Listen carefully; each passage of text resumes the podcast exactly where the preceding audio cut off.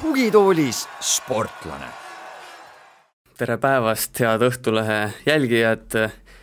nädalase suvepausi järel on äh, taas eetris meie spordipodcast Tugitooli sportlane ja täna on äh, minul Jarmo Jagomäel külas mees, kelle hääl on paljudele tuttav. mõned on teda isegi äkki näinud siin vahepeal. Äh, see noormees on Gustav Kruda, tere tulemast. tere, tere nagu siin juba terasemad arvata võivad, siis täna tuleb eelkõige, eelkõige juttu autorallist ja alustame, Gustav, sellest, et äh, kui reeglina räägid, räägid sina teiste kohta, siis täna alustuseks vähemalt räägime, räägime sinu kohta ka natuke, et äh, saame tuttavaks, kes sa oled ja ütlegi alustuseks, et äh, oled sa rallisõitja, ralliekspert, kommentaator või ma ei tea, äkki hoopis midagi kolmandat, neljandat või viiendat? praegu ma isegi ei tea, ma pigem ralli kommentaator kui rallisõitja selles mõttes, et rallid ma viimati sõitsin aasta aega tagasi, see oli ka üks etapp. ja siis rohkem ma ei ole nagu autorooli väga nagu saanud kuskil, võib-olla kuskil jäärada saanud sõita, aga aga jah, siis üks hetk, kui Rauno mind sinna Power Stage'i kutsus, siis need uksed hakkasid nagu avanema, et järjest kommenteerida, inimestele nagu meeldis minu nagu, mis ma rääkisin ja mis ma ütlesin ja siis ma läksin ise nagu, olen sellega kaasa läinud ja kõik on nagu hästi läinud ja siis siiamaani nagu kõik meeldib ja läheb nagu pigem nagu paremini kogu aeg, tundub. see on nagu nii palju peab õppima ka vahepeal, et no alguses hull, see närv oli sees, aga nüüd on nagu selles mõttes palju mugavam, tead inimesi ka ja sa oled alles kahekümne ühe aastane, aga kui siia stuudiosse ka tulid, siis sa rääkisid, et sa oled pigem selline endine rallisõitja, et äh,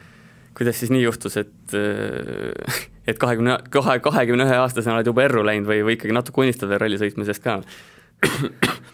ei, ma ei ole kindlasti nagu maha matnud seda ideed ja ma kindlasti nagu kogu aeg mõtlen, kuidas saaks tagasi sõitma ja kuidas oleks kõige õigem seda teha, aga mis nagu ongi, no ma tulin põhimõtteliselt äh, ma tulin kaks tuhat kuusteist aasta, võitsin selle T-Mac Trophy ära, kus võitis, kus auhinnaks oli siis see, et said M-spordi meeskonna nendele katsetele minna. seda ma ei võitnud, selle võitis Nicolas Jamin ja siis peale seda tuligi äh, finantsilised raskused natukene ja nagu ütleme, ei ole nagu nagu meie mõistes ei ole nagu mõtet teha seda ühte rallit vahepeal sõita ja näidata, sest nagu üldkokkuvõttes, kuidas sa nagu peaksid sinna tippu saama, see ei aita nagu lõpuks sulle nii palju kaasa, kui sa teeksid nagu lõpuks terve hooaja, kus sa saad kogu aeg testida, et nagu ma ei näinud pointi seda raha kulutada nendele üksikutele etappidele. et pigem koguda seda raha lõpuks, leida seda nagu nii korralikult, et saaks korralikult seda sporti nagu teha et muidu sa nagu hüppad ja näitad, aga inimesed unustavad nagu kohe ära, kui sa üks ralli sõidad, eriti nagu WRC-s, kui mu vend peab nagu WRC-s sõitma, seal on neliteist rallit, no lähed sõidad seal ühe ralli. Pontus Tiidemand sõitis mingi Monte Carlos ja Rootsis WRC-ga, inimesed on suht meelest ära läinud, et see vend ka sõitis nagu. nii et jah, tuleb olla nagu, sa pead ikka terve hooaeg olema nagu selles mõttes platsis ja kui seda võimalust ei ole, siis minu silmis nagu ei ole nagu mõtet nii-öelda nagu äh, poole kohaga teha asja. Kuidas see raha kogune, kogune, kogune, kogumine sul siis praegu sujub selles suhtes? praegu ma iseenesest nagu väga palju töötangi selle kallal, et ma saaks nagu endal jalad alla. et äh, ma suudaks nagu elada nii, niimoodi, nagu ma tahan,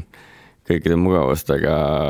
aga kõik ongi nagu minu oma, et saan oma nagu pererahale või nagu vanemate toetusele ei pea nagu absoluutselt nagu toetama, mis kahekümne üheselt on nagu päris hea dopamiini nagu selline nagu rush, et saad nagu täiesti üksi hakkama ja kõik on nagu hästi ja siis ma olengi nagu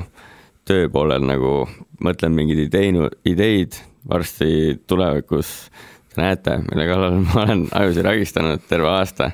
kindlasti on mingeid vahvaid asju tulemas ja, ja ma olen nagu praegu sellel lainel olnud, et mul oleks nagu endal nagu tavaelus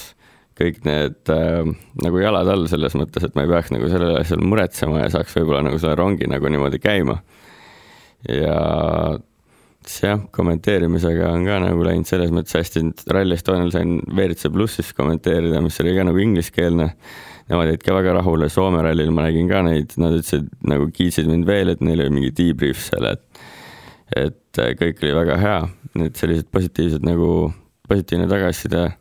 motiveerib nagu edasi tegema ja nagu hea on vähemalt teada, et mingit moodi liigub õiges suunas.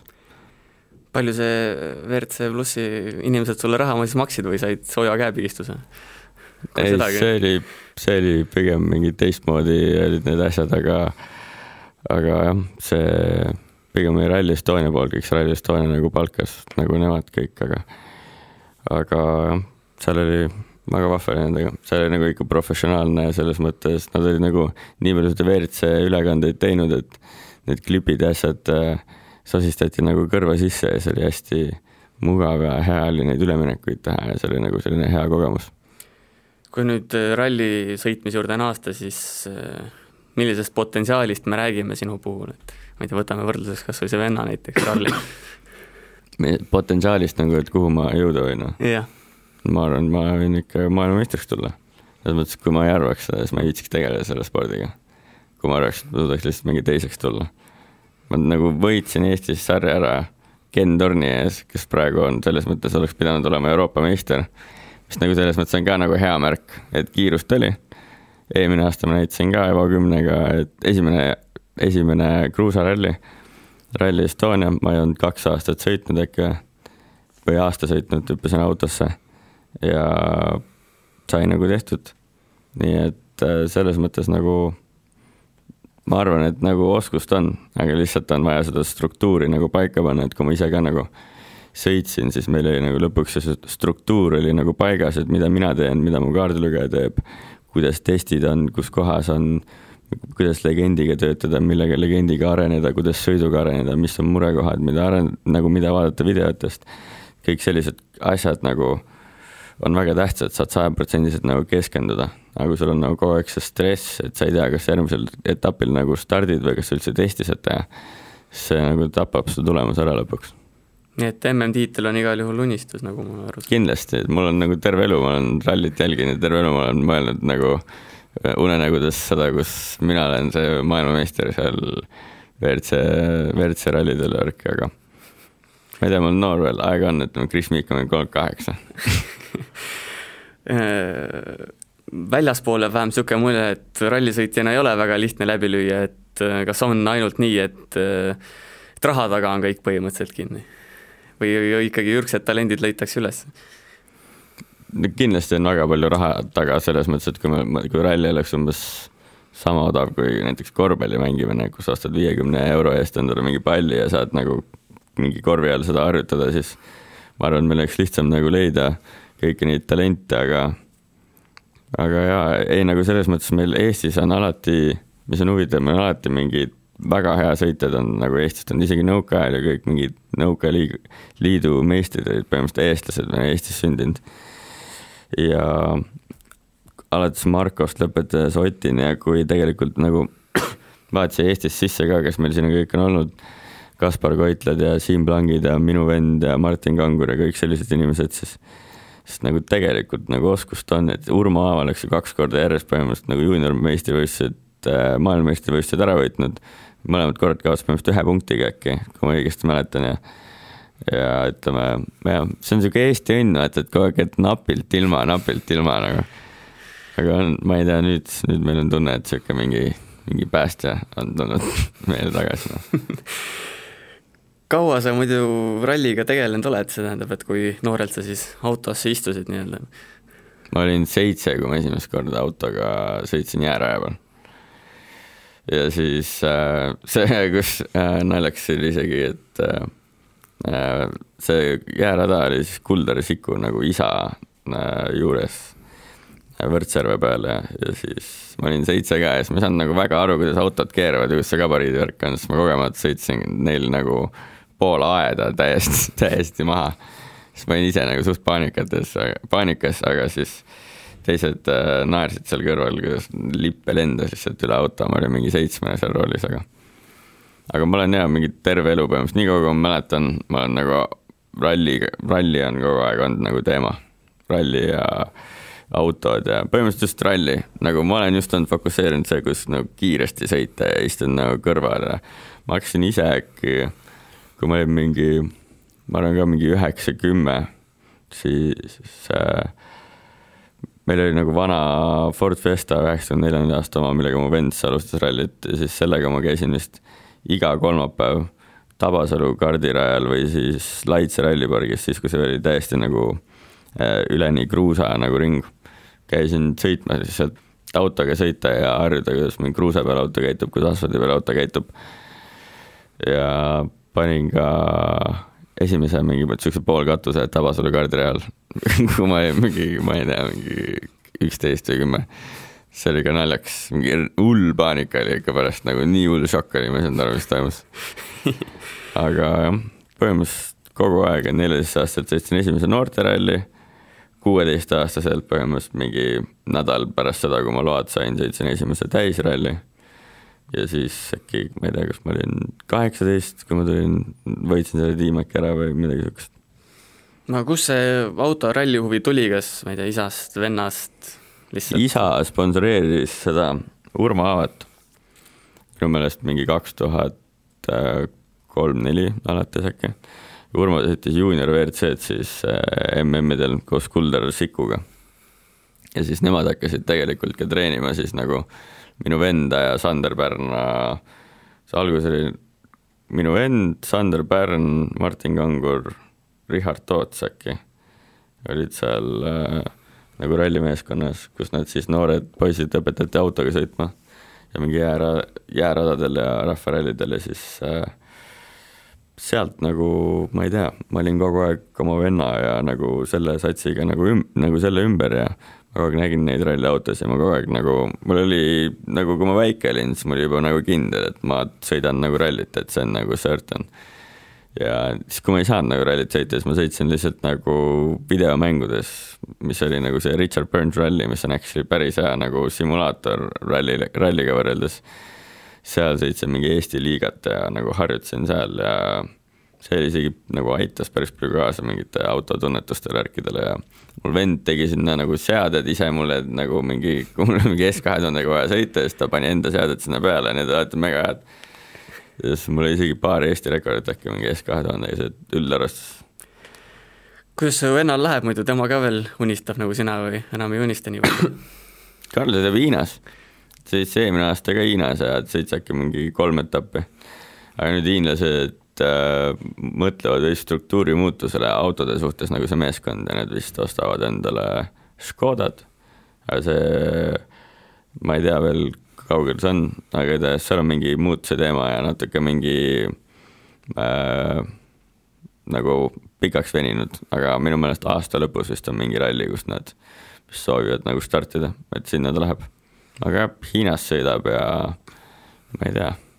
ma arvan, et ta ikka hoiab kontakti kogu aeg siin Euroopa nende meeskondadega. kumb teist siis kõvem rallimees on või vähemalt kõvema potentsiaaliga? ma arvan, et kõigil on nagu selles mõttes potentsiaali, potentsiaali mõttes nagu sama kõrgele võimalik minna, oleneb, palju sa nagu tööd teed, Karl on lihtsalt, ma arvan, mingi mehaaniliselt äh, nutikam kui mina, sest tal on rohkem kogemusi lihtsalt, ta on rohkem pidanud ehitama mingi autos ja ja möllama difrite asjadega, aga mul on nagu see lisa just, et nagu ma saan nii kiiresti areneda, sest Karl räägib mulle nii palju tippe, nagu Karl pidi ise need asjad kõik nagu leidma rallidel ja värki ja siis nagu ta ei saa nagu väga niimoodi võrrelda, et iseenesest see on nagu samamoodi, et mingi ma ei tea, kakskümmend aastat tagasi mingi rahvarallil Martin Järve võitis Ott Tänakut, noh, et nagu ütleme, oleks võib-olla Martin sama ei oleks nii judosse armastanud olnud, oleks ainult rallit sõitnud. Sama palju nagu võib-olla Ott, mine sa tea, vaata. ei no ütleme,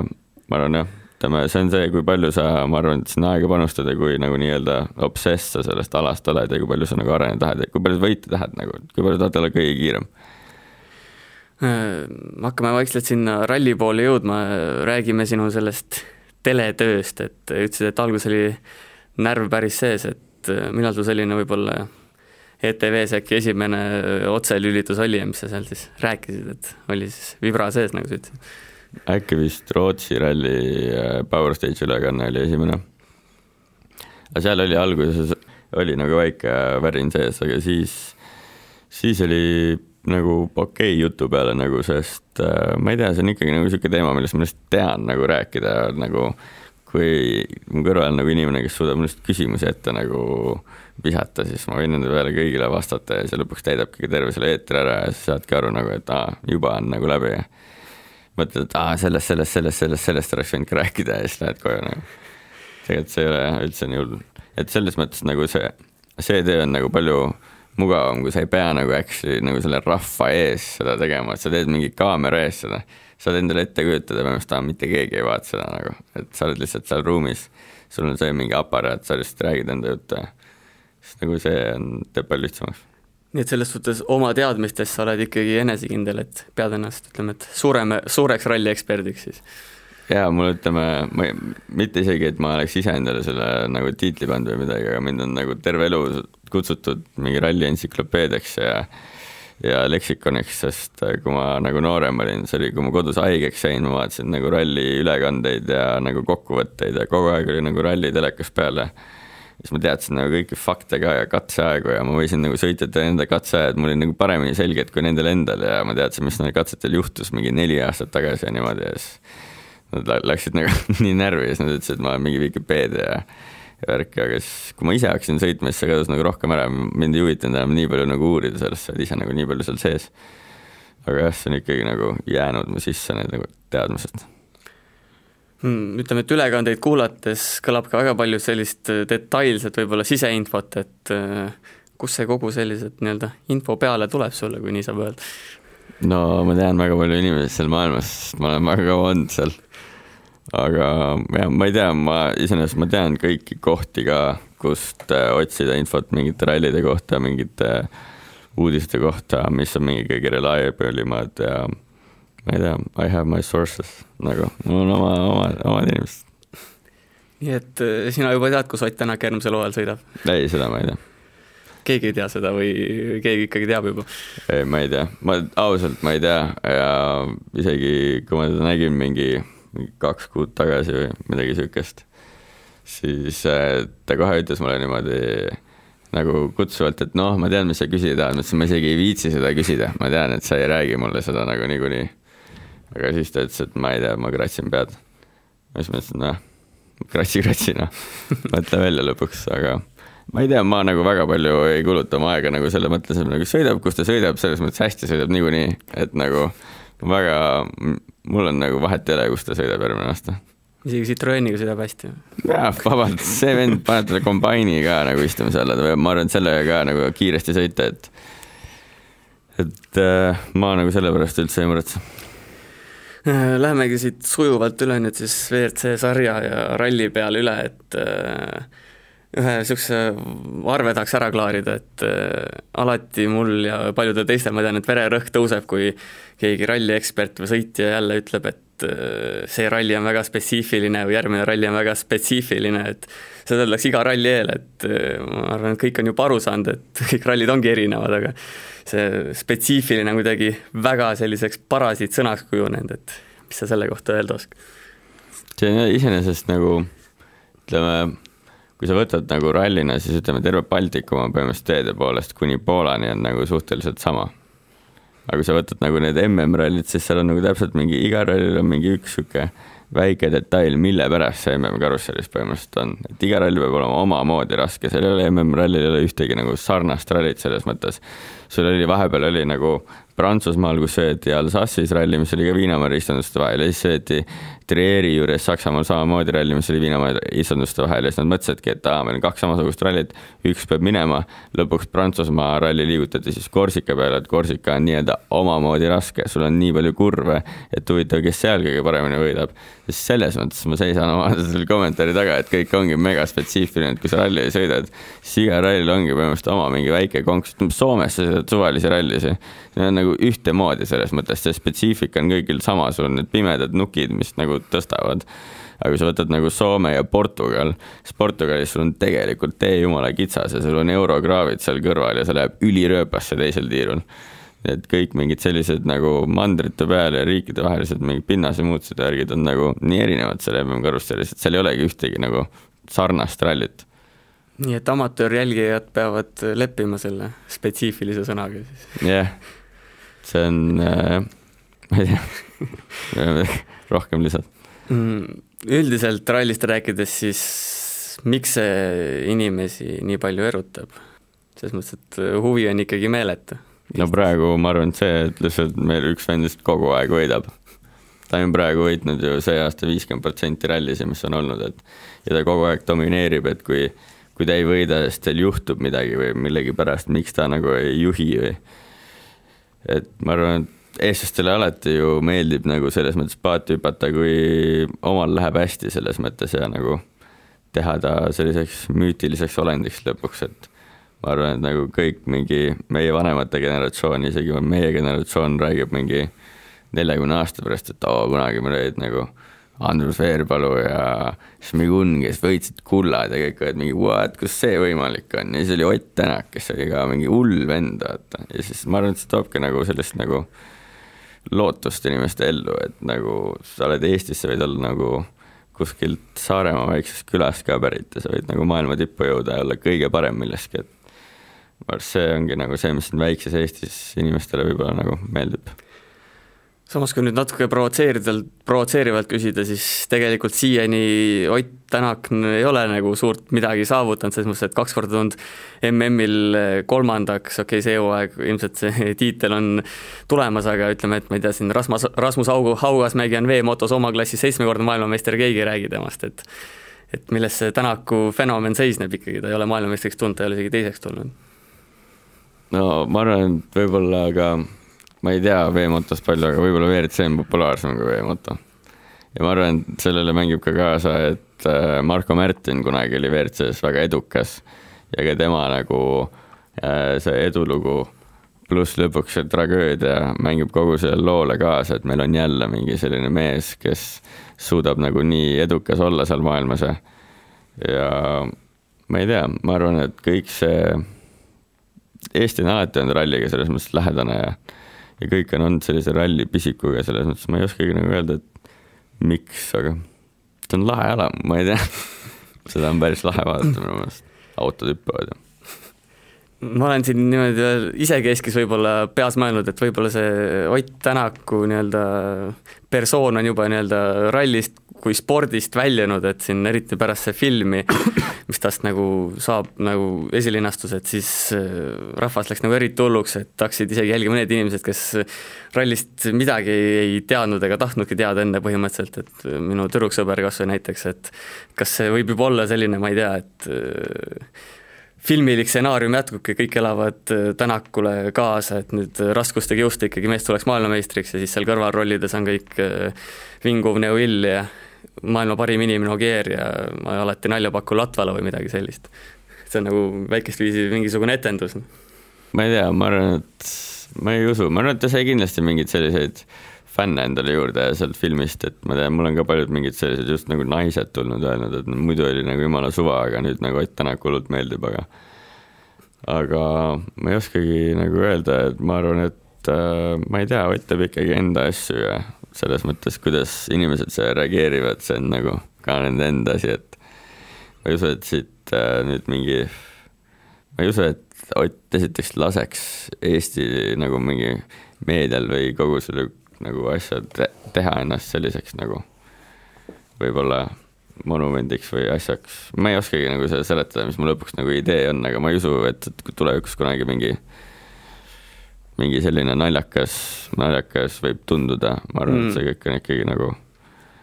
nagu praegu Marko, Marko Märtin selles mõttes, et ta on inimestel hinges, aga ta ei ole nagu inimestel näo all kogu aeg, näo ees. kui siit sõitjatega natuke edasi minna, siis äh, kas Thierry Neuville ongi selline inimene, nagu siin ütleme, meedia üritab võib-olla mingist, mingit pilti temast müüa nii-öelda, et natuke halb ja tusane ja vingub kogu aeg või tegelikult on ta natuke toredam ikkagi. Ma ei tea, meedia nagu lihtsalt vahepeal ei mõtle selle peale, kui sa sõidad nagu kakskümmend viis minutit mingi ülikuumas autos maailmameistritiitli peale ja kaotad katse mingi viie sekundiga täpselt siis, kui sa oled teinud suure, suure muutuse auto jooksul ja sa näed esimest korda oma aega ja siis sul on mingi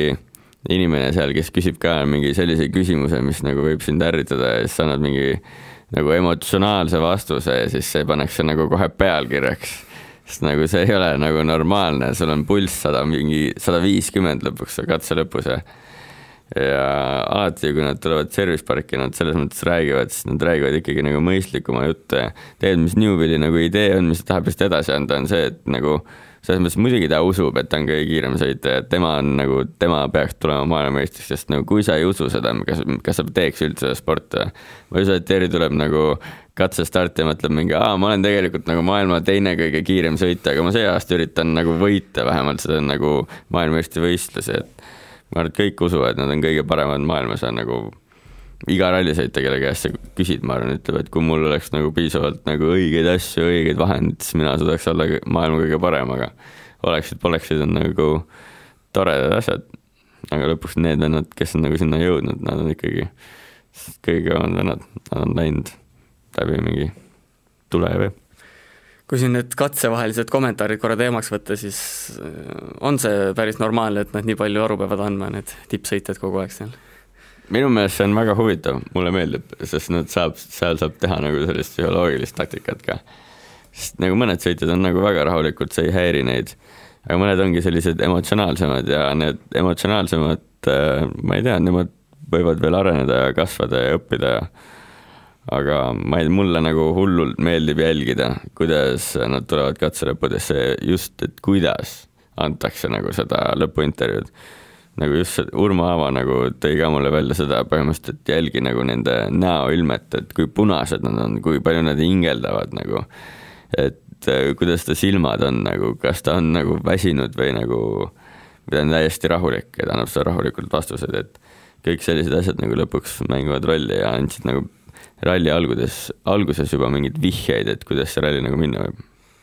nojah, pealtvaatajatele kindlasti lõbus, aga ilmselt äh, üsna selline raske kohustus sõitjale või? ma arvan, et see on nagu selles mõttes peab olema kohustuslik, et muidu nad jäävad nagu liiga kaugeks inimestest. muidu inimesed ei kuulegi neilt nagu mitte midagi, et ainult service parkides ja siis on nagu see vahe on nagu nii suur, et F1-s on nagu ka seda tiimi ja sõitja vahelist nagu rääkimist äh, rohkem selle sõidu ajal, vaata, sul on nagu live action, ta ütleb mingi davai, et tuleme boksi või paneme need rehvid, et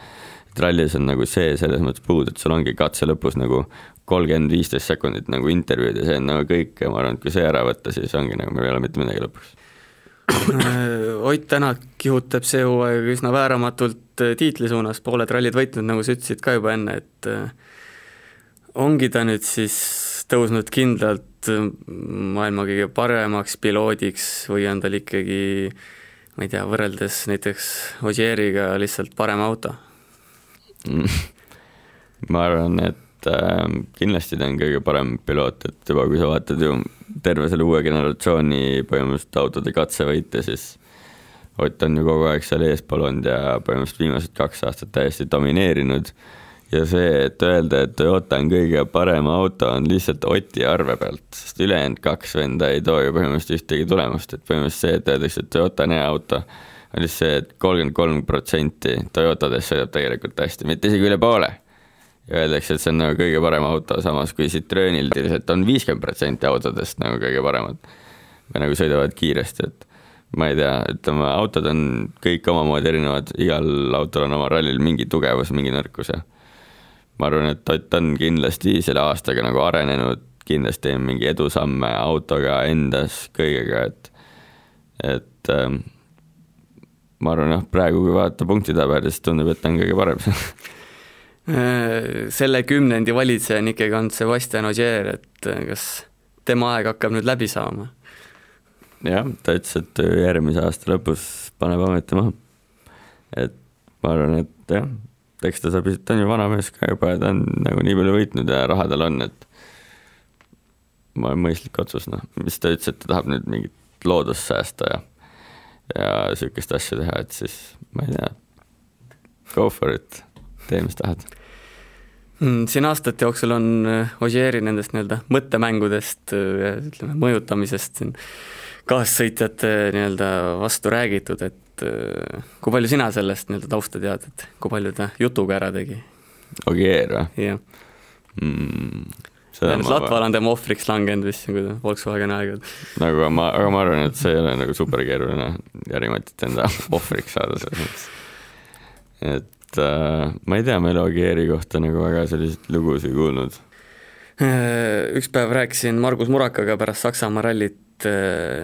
tema oli veidi mures autoralli tuleviku pärast, et Citroeni loobumisest on räägitud, M-sport ajab alati hädaga eelarve kokku, et oled sa ka mures autoralli tuleviku pärast? ei, ma ei ole, sest me oleme nagu hullemast ajastust ka läbi tulnud, mis oli siis kaks tuhat üheksa ja kaks tuhat kaheksa meil oli nagu ainult kaks meeskonda ja neli tehasautot põhimõtteliselt, et et nagu siis oli igav vaadata, kui Rööp võitis kõik ka, nagu see oli nii hea. ja ega selles mõttes nagu vaatasid ikka ja huvitav oli ikka ja lõpuks need äh, tehased tulid järjest tagasi, tuli Volkswagen ja ja ega nüüd on ka jutud olnud, et selles mõttes Volkswagen võib tagasi tulla või tuleb Mitsubishi tagasi, et see, et kui üks läheb, et siis ma arvan, et selle uue muudatusega võib tulla nagu autobrände nagu tagasi ka, sellepärast et nagu hübriidautod on just nagu, kuhu praegu maailm liigub ka.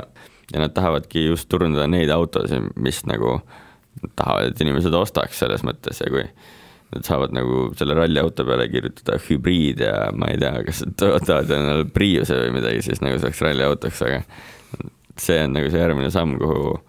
kuhu nad liiguvad ja ma arvan, et paljud autod võib-olla sisenevad nagu WRC-sse, et oma autosid seal nagu turundada. mis sa arvad, kas ja kui palju see nii-öelda elektri- või hübriidmootoritele üleminek äh, sellist äh, rallisporti mõjutab üldiselt? ma arvan, et alguses ei mõjuta absoluutselt, sest minu meelest alguses nad teevad sellist ülesõitud ära. et nad sõidavad just katselt katsele elektrimootoriga äkki, katse peal sõidavad, äh, katse peal sõidavad sisepõlevmootoriga ja siis äkki katse peal laevad ka kuidagi seda elektrimootorit või midagi, tundub vähemalt loogiline. ma ei usu, et sa sõidad terve päeva üle sõita ära võib-olla selle elektriakuga. aga selles suhtes äh, ralli tuleviku suhtes oleks äkki vaja natuke rohkem tipptegijaid kui need kolm meest, kes praegu on võidelnud siin viimased aastad tiitli nimel või see on ka piisav arv? see on juba päris hea, muidu meil oli lihtsalt üks või kaks heal juhul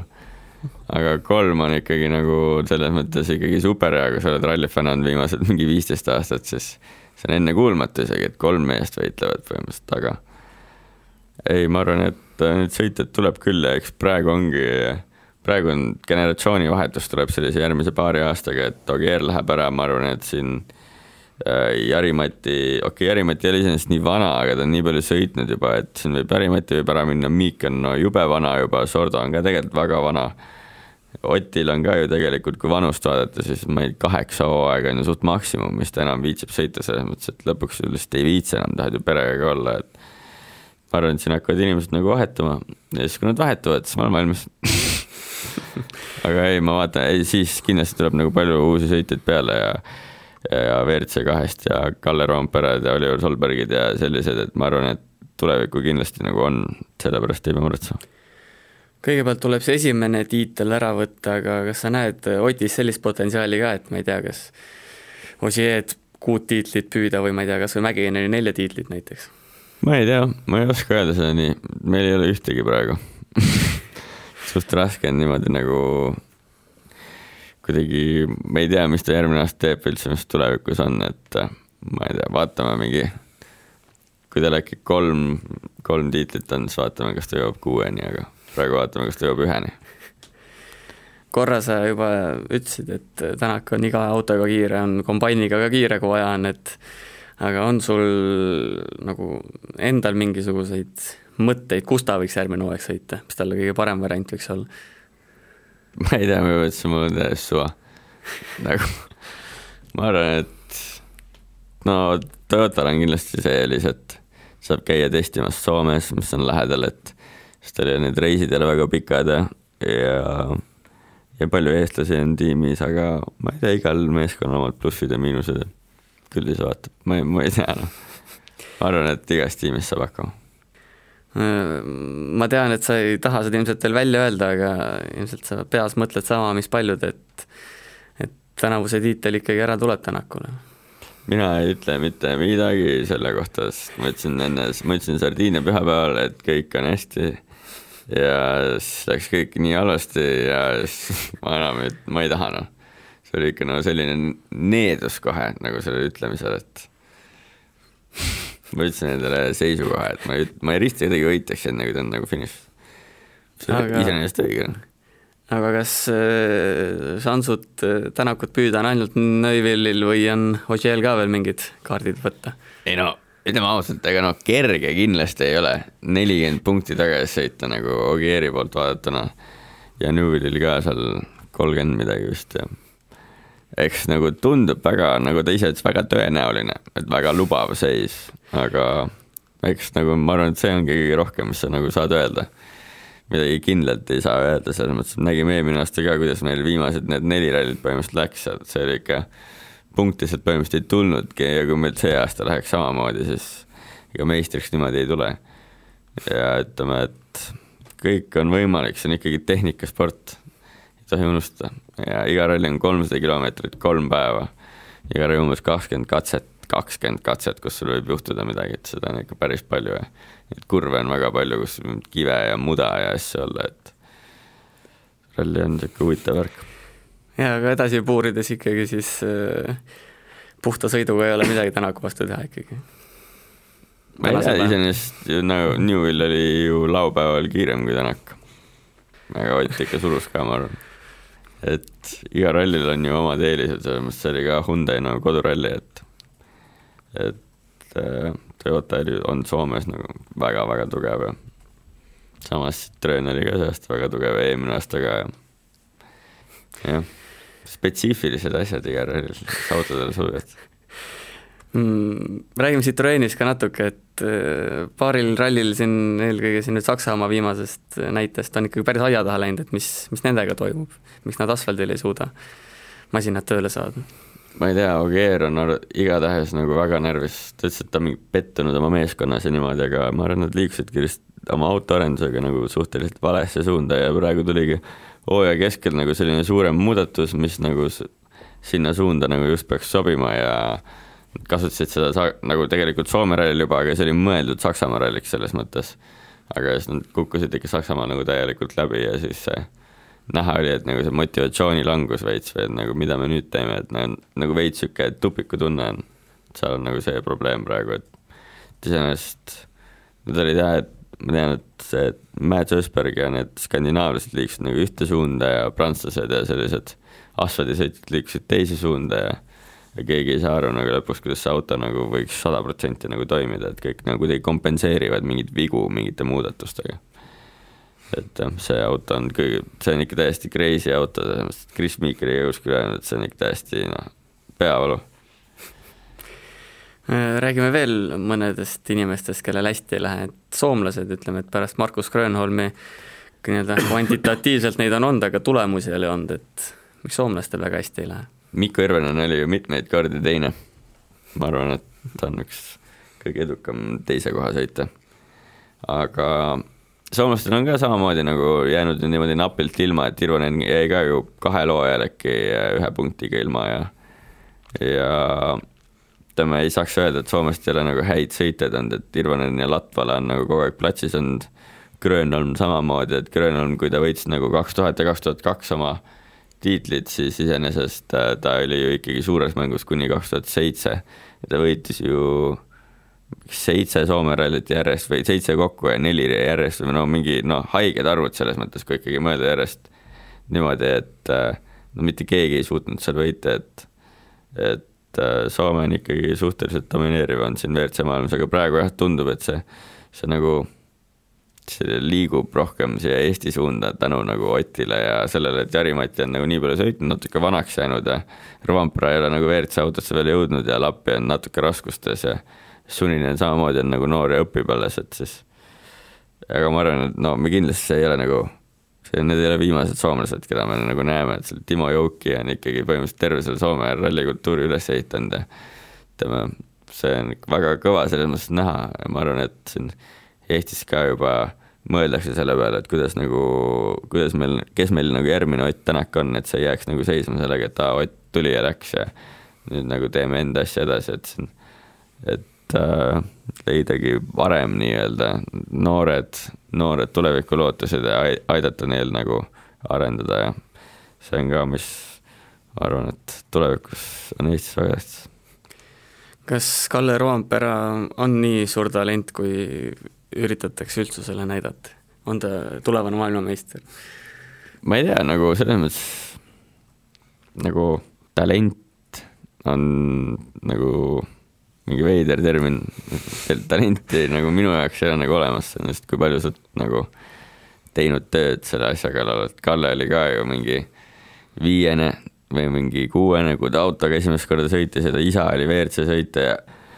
ja kõik nagu need õpetussõnad kogu aeg, kuidas nagu õiget joont sõita ja kuidas autoga käituda ja niimoodi, et kõik on nagu selles mõttes ta isalt tulnud terve elu, terve elu ta on olnud seal sees. ta on terve elu saanud autos istuda, ta on kogu aeg saanud testida, tal on kogu aeg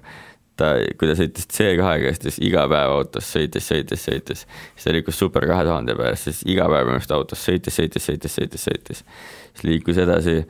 R5 peale sellega samamoodi sõitis, sõitis, sõitis ja nad alustasid nagu väga ilusti ka asfaldisõitu nagu väga varakult ja tal isa õpetas nagu, ta, Harri Roompere ei olnud ka nagu selles mõttes kehv asfaldi peale, üleüldiselt mitte nagu halb sõita ja ja kõik nagu sellised asjad nagu varakult sisse juurutada nagu nii varakult kui võimalik on nagu nii, nii tähtis nagu täpselt selliste nagu õigete asjadega ja ja praegu ta ongi, sellepärast ta saabki nagu turvaline sõit on tal väga kiire, sest ta on nagu nii palju teinud seda juba, see on tema jaoks nagu nii normaalne ja ma ei tea, ma arvan, et see on, see on sama nagu Oliver Solberg praegu, miks ta nii noorelt nii kiire on, see ei ole nagu ütleme, et ta on nagu kaks päeva autoga sõitnud, ta on järsult kiire, vaata, kui palju see vend sõitnud on, tuhandeid, tuhandeid kilomeetreid, selles mõttes see töö seal taga on ikkagi suur. Et see ongi ta elu, ta terve elu ongi, ta ongi nagu kasvatatud nagu maailmameistriks selles mõttes autorallis. kui ta nüüd ütleme, et sa ei saaks enam sõita, et mine, mine tee nüüd midagi muud oma elust, ta on veits võib-olla jooksus kokku, vaata kas äh, Rovampere sõidab järgmisel hooajal WRC autos? ja kui, siis millises? ma ei tea, kõik räägivad, et siin Toyotas, tundub suht loogiline, et Toyotas, kõigil on WRC pargis ka niisugune üldine arusaam või nagu niisugune, ta tundub küll nagu, aga keegi ei tea sada protsenti, aga noh. ja Miikel Atvale sidatootsa järgmine hooaeg on ka üldine arvamus? ma ei tea, üldine arvamus on, et Miik ei sõida aga et Jari võib-olla sõidab, sest Jarile, jaapanlastele väga meeldib Jari-Mati Latvale. Äh, Oti taga seisab päris palju asju kinni, ütleme järgmise hooaja lepingute suhtes, et äh, tuleb siin palju selliseid, ma ei tea, vangerdusi või üllatusi siin tiimide vahel, mis sa arvad? ma arvan, võib tulla küll, suht palju lepinguid saab läbi, äkki Mikkelsoni leping läbi, Sordol on äkki leping läbi, Suninil on äkki leping läbi, Evansil oli ka minu meelest aastane, et suht kõigil on leping läbi, et põhimõtteliselt kõike võib juhtuda. Siis on juba räägitud ka, et võib-olla Mikkelson liigub M-sporti ja selliseid, et, et ma arvan, jah, võib tulla suht huvitav, et see tiimide vahetus ja ja jah, ma arvan, et aasta lõpus näeme nagu rohkemat siin. Priin on ka ju nüüd Hyundai'ga siin saanud sõita ja näidata, et Pädan oleks nüüd praegu tagasi tulnud, aga noh, kandis selle auto ennem maha, aga aga ma arvan, noh, noh, kõik on võimalik et Östberg on ka veel vanadest WRC nii-öelda meestest, aga võib sealt peale Rovampere veel kedagi WRC nii-öelda kahest tulla, ma ei tea, Jaan Kopetskid ja kes seal kõik on, et WRC masinasse istuda? Kopetski enam ei istu, sest ta on nii vana, keegi ei anna talle WRC autot, kui sa oled nii vana, see on nagu WRC autol oleks nagu niisugune vanuselimiit, kui sa tahad nagu tehase autot tasuta, kui sa oled mingi, iseenesest Chris Meek nagu defy'b iseenesest seda, aga ei nagu ma ei usu, et Kopetskile andaks, kuigi ta oleks asjade peale väga kiire, aga samas me näeme, kuidas Roompere on kiirem, et miks nagu anna pigem Roompere siis. aga WRC kahes veel, no tegelikult Xiamin on nüüd väga kiireks saanud, Lube ju tegi Soomes väga head sõitu. ja Nikolai Gräzin, ütleme, no tal on vaja veel nurki nii-öelda maha lihvida, et veits on nagu rabe kohtades, aga ma arvan ikka tulevik on, et tulevik on alati. Mm, kas ütleme, need tundmatumad nimed või ma ei tea, uuemad tegijad, ütleme siin Pontus Tiidemand, Gus Greensmit,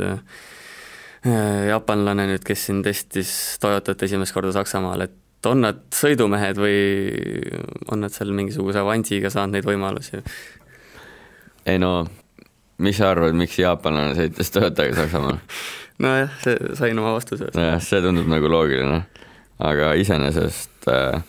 ja no Greensmitil kindlasti äh, ta ju sõitis esimese, esimesed sõidud äkki aasta alguses WRC-ga, aga siis seal noh, kindlasti oli mingi finantsiline tugi taga, aga siis, siis kui Evans sai vigastada, siis ma arvan, et seal ikkagi oli nagu niisugune kohatäitmisroll, et pigem sai nagu tasuta, et see kaks autot ikkagi peab väljas olema aga ma ei tea, nad sõidavad iseenesest nagu okeilt, kui vaadata Greensmiti aegu Saksamaal ja Katsuta aegu, siis iseenesest nagu Katsuta WRC, esimest korda Saksamaal WRC autoga oli nagu päris normaalsed ajad tegelikult, see kaotus ei olnud üldse nii hull, ta oli WRC kahest nagu kogu aeg kiirem, pluss ta sõitis kogu aeg safely. Greensmit tegi vigu, aga samas hoog oli parem kui Katsutal, aga sõitis ka tegelikult väga normaalselt kogu aeg. või mitte kogu aeg, aga tihtipeale ikkagi alla sekund kilomeetrile ja ja näitas jumal normaalset hoogu ja kui ma mäletan õigesti, siis keegi rääkis mulle, et see oli ta viies asfaltiralli, mis on iseenesest suhteliselt nagu crazy statistika nagu. sõit WRC autoga niimoodi, et äh, tegelikult jah, et nagu jah, tihtipeale inimesed ootavad liiga palju, et hüppa WRC autosse, hakka võitma kohe, vaat see on nagu nii ulmeline, sa pead nagu raketti, noh. oled sa ise ka WRC masinas istunud? ma olen istunud äh, äkki kaks korda kõrval, Urmo Aaval mõlemal korral. ja esimene kord oli äkki kaks tuhat seitse Mitsubishiga, ka Lõuna-Eestis ja teine oli kaks tuhat kaheksa Citroen C4 WRC-ga siis too hetk mul oli veel jalg kipsis ja ma mäletan, et see oli mingi Lõuna-Eesti teelõik, kus oli ka hüpe. ja siis me Urmoga pärast naersime, et ta, ta kuulis nagu sõidu ajal, kuidas mu kips lihtsalt nagu vastu metalli kogu aeg käis. Aga jah, see WRC on ikkagi nagu ulmepill, et iseenesest nagu RV autos ma olen saanud nagu rohkem kõrval istuda, sest kuna mu vend nagu sõitis sellega ja siis ma testides, kui me koos testisime, et siis ma istusin seal kõrval ja värk ja juba see tegelikult on nagu nii haige, kuidas selle autoga on võimalik sõita ja ma olen nagu Karlaga hästi palju sisevideosi vaadanud, et äh, autod on ikka nagu väga-väga head juba tänapäeval ja ja kindlasti need tänapäeva R5-d on juba kiiremad kui eelmise generatsiooni WRC-d, et et äh, et jah, see hüpe ei ole selles mõttes nagu enam nii suur. pean selle klassikalise küsimuse ka ära küsima, et on siis hirmus ka rallit sõita, ükskõik kas ise roolida või kõrval olla? ikka on hirmus, aga siis Äh, sa nagu mõtled, et kas tahad võita või ei taha, mul on nagu hästi palju seda, ma lihtsalt mõtlen oma nagu peaga, et mu loogiline mõtlemine ütleb, et see on turvaline. aga mu emotsioon lihtsalt ütleb, et äkki see ei ole turvaline ja siis ma lihtsalt lülitan selle emotsiooni välja, ütlen, et sa ei tea ja mul on nagu kogu aeg selles mõttes läinud hästi et nagu usaldad lihtsalt oma legendi, mul on legendis nii kirjas ja sa lülitad oma aju nagu selles mõttes välja, et sa ei hakka mitte millegi teise peale mõtlema. sul kaardiga ütleb viis pluss, sa lähed täpselt selle viie plussi hooga, keerad täpselt nii palju ja peab olema ja kui ei ole, see on legendi viga. siis ei ole midagi nagu selles mõttes teha, siis oli viga, noh. siis järgmine kord teed niimoodi, et ei oleks viga. ja kui sa tahad võita, siis sa pead täpselt sõitma legendi järgi nii kiiresti, kui on. oled sa mõne suurema avariiga teinud uh,? ma panin Harju rallil kaks tuhat viisteist äh, katusega puusse, see oli nagu kõige valusam. põrutas päris palju nagu pead ära ja auto oli päris katki ja see oli lihtsalt nagu sisekurvi oli sihuke auk tekkinud, mis sai nagu põlveni, nagu minu põlveni, nagu nii sügav auk. ja ma ei näinud seda ja siis viskas nagu auto kahe ratta peale, siis ma arvasin, et see kukub nagu tagasi, see on nagu suht tavaline, et ralli nagu auto on kahe ratta peal, aga ta alati tuleb nagu tagasi, aga mul oli nagu nii vähe kogemusi ka ja ja ma ei keeranud nagu vastu ja siis äh, sealt läks nagu rulluma. ja see oli nagu põrutav, aga muidu mul on nagu, mul on kaks katust veel pandud, aga need on siuksed nagu pehmemad, üks oli nagu talvel, jäin lihtsalt katuse peale ja üks oli Kuursamäe rallil, mul oli legendis oli oli äh, neljakümne meetri asemel oli äkki seitsekümmend meetrit ja siis kuidagi päike paistis ka nii valesti, täpselt sinna taha nagu, et ma lugesin täiesti teed täiesti valesti ja hakkasin keerama ja alles siis, kui kurv juba oli nagu möödas ja siis panime niimoodi õrnalt ühe korra tiiru ära ja ja rooli ots oli katki, muidu oleks saanud edasi sõita, autol olnud midagi viga põhimõtteliselt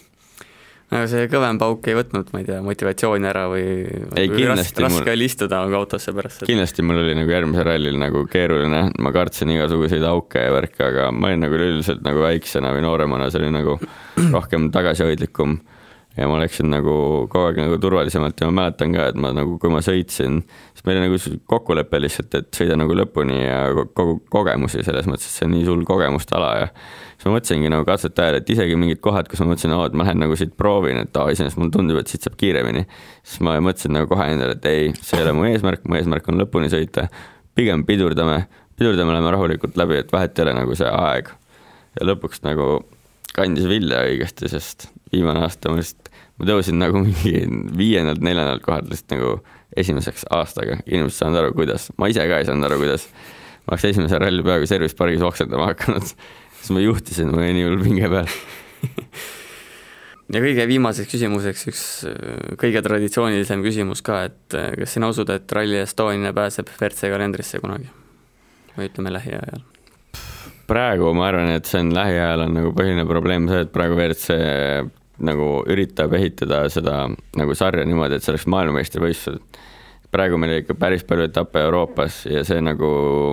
hakkas nagu vastu karva käima teatud inimestele ja siis on tahetud nagu laieneda, et sellepärast me näeme, kuidas rallid on üritanud nagu Aasiasse minna ja Ameerikas, Kanadas tahetakse nüüd rallit teha ja järgmine aasta läheb ju Keeniasse läheb ja et jah, et see nagu maailmameistrivõistlused tahetakse rohkem üle nagu maailma viia, ma arvan, et kui kui äh, Rally Estonia tuleb, siis mingi ralli peab sealt ära jääma ja see on mingi Euroopa ralli, mis peab sealt ära jääma ja ja Soome ja Eesti on nagu suhteliselt sarnased küll, aga no ikkagi tegelikult nagu erinevad rallid. aga jah, praegu nagu ma arvan, et lähima paari aastaga, kas täpselt nagu WRC kalendrisse saada, on nagu keeruline öelda, aga ma arvan, et nüüd, kui see promotional äh, asi läheb nagu hästi ja WRC on nagu sellega rahul ja me korraldame seda rallit selles mõttes ikkagi kõige paremini, et ma läksin nagu Rally Estonialt ikkagi nagu Soome rallile ka ja ma vaatasin Soome ralli ringi, ma olin mingi vau wow see korraldus ikkagi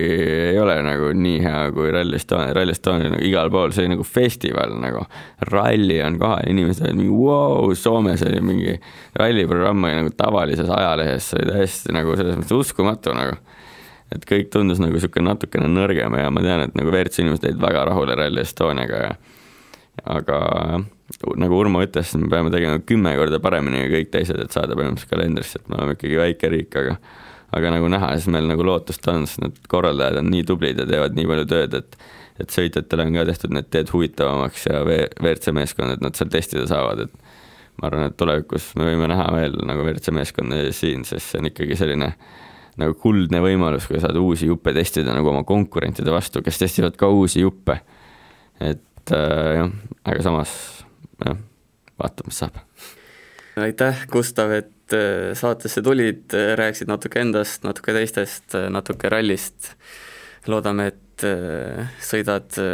nüüd tulevikus rohkem kui ühe ralli aastas ja kunagi äkki su suur unistus MM-tiitlist ka täitub. jah, ma loodan ka lähiajal jälle roolis olla ja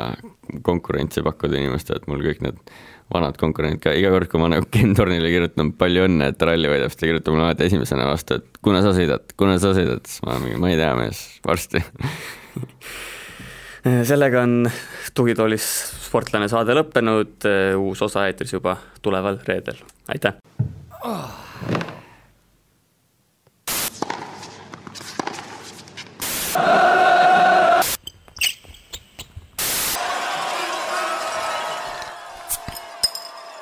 tugitoolis sportlane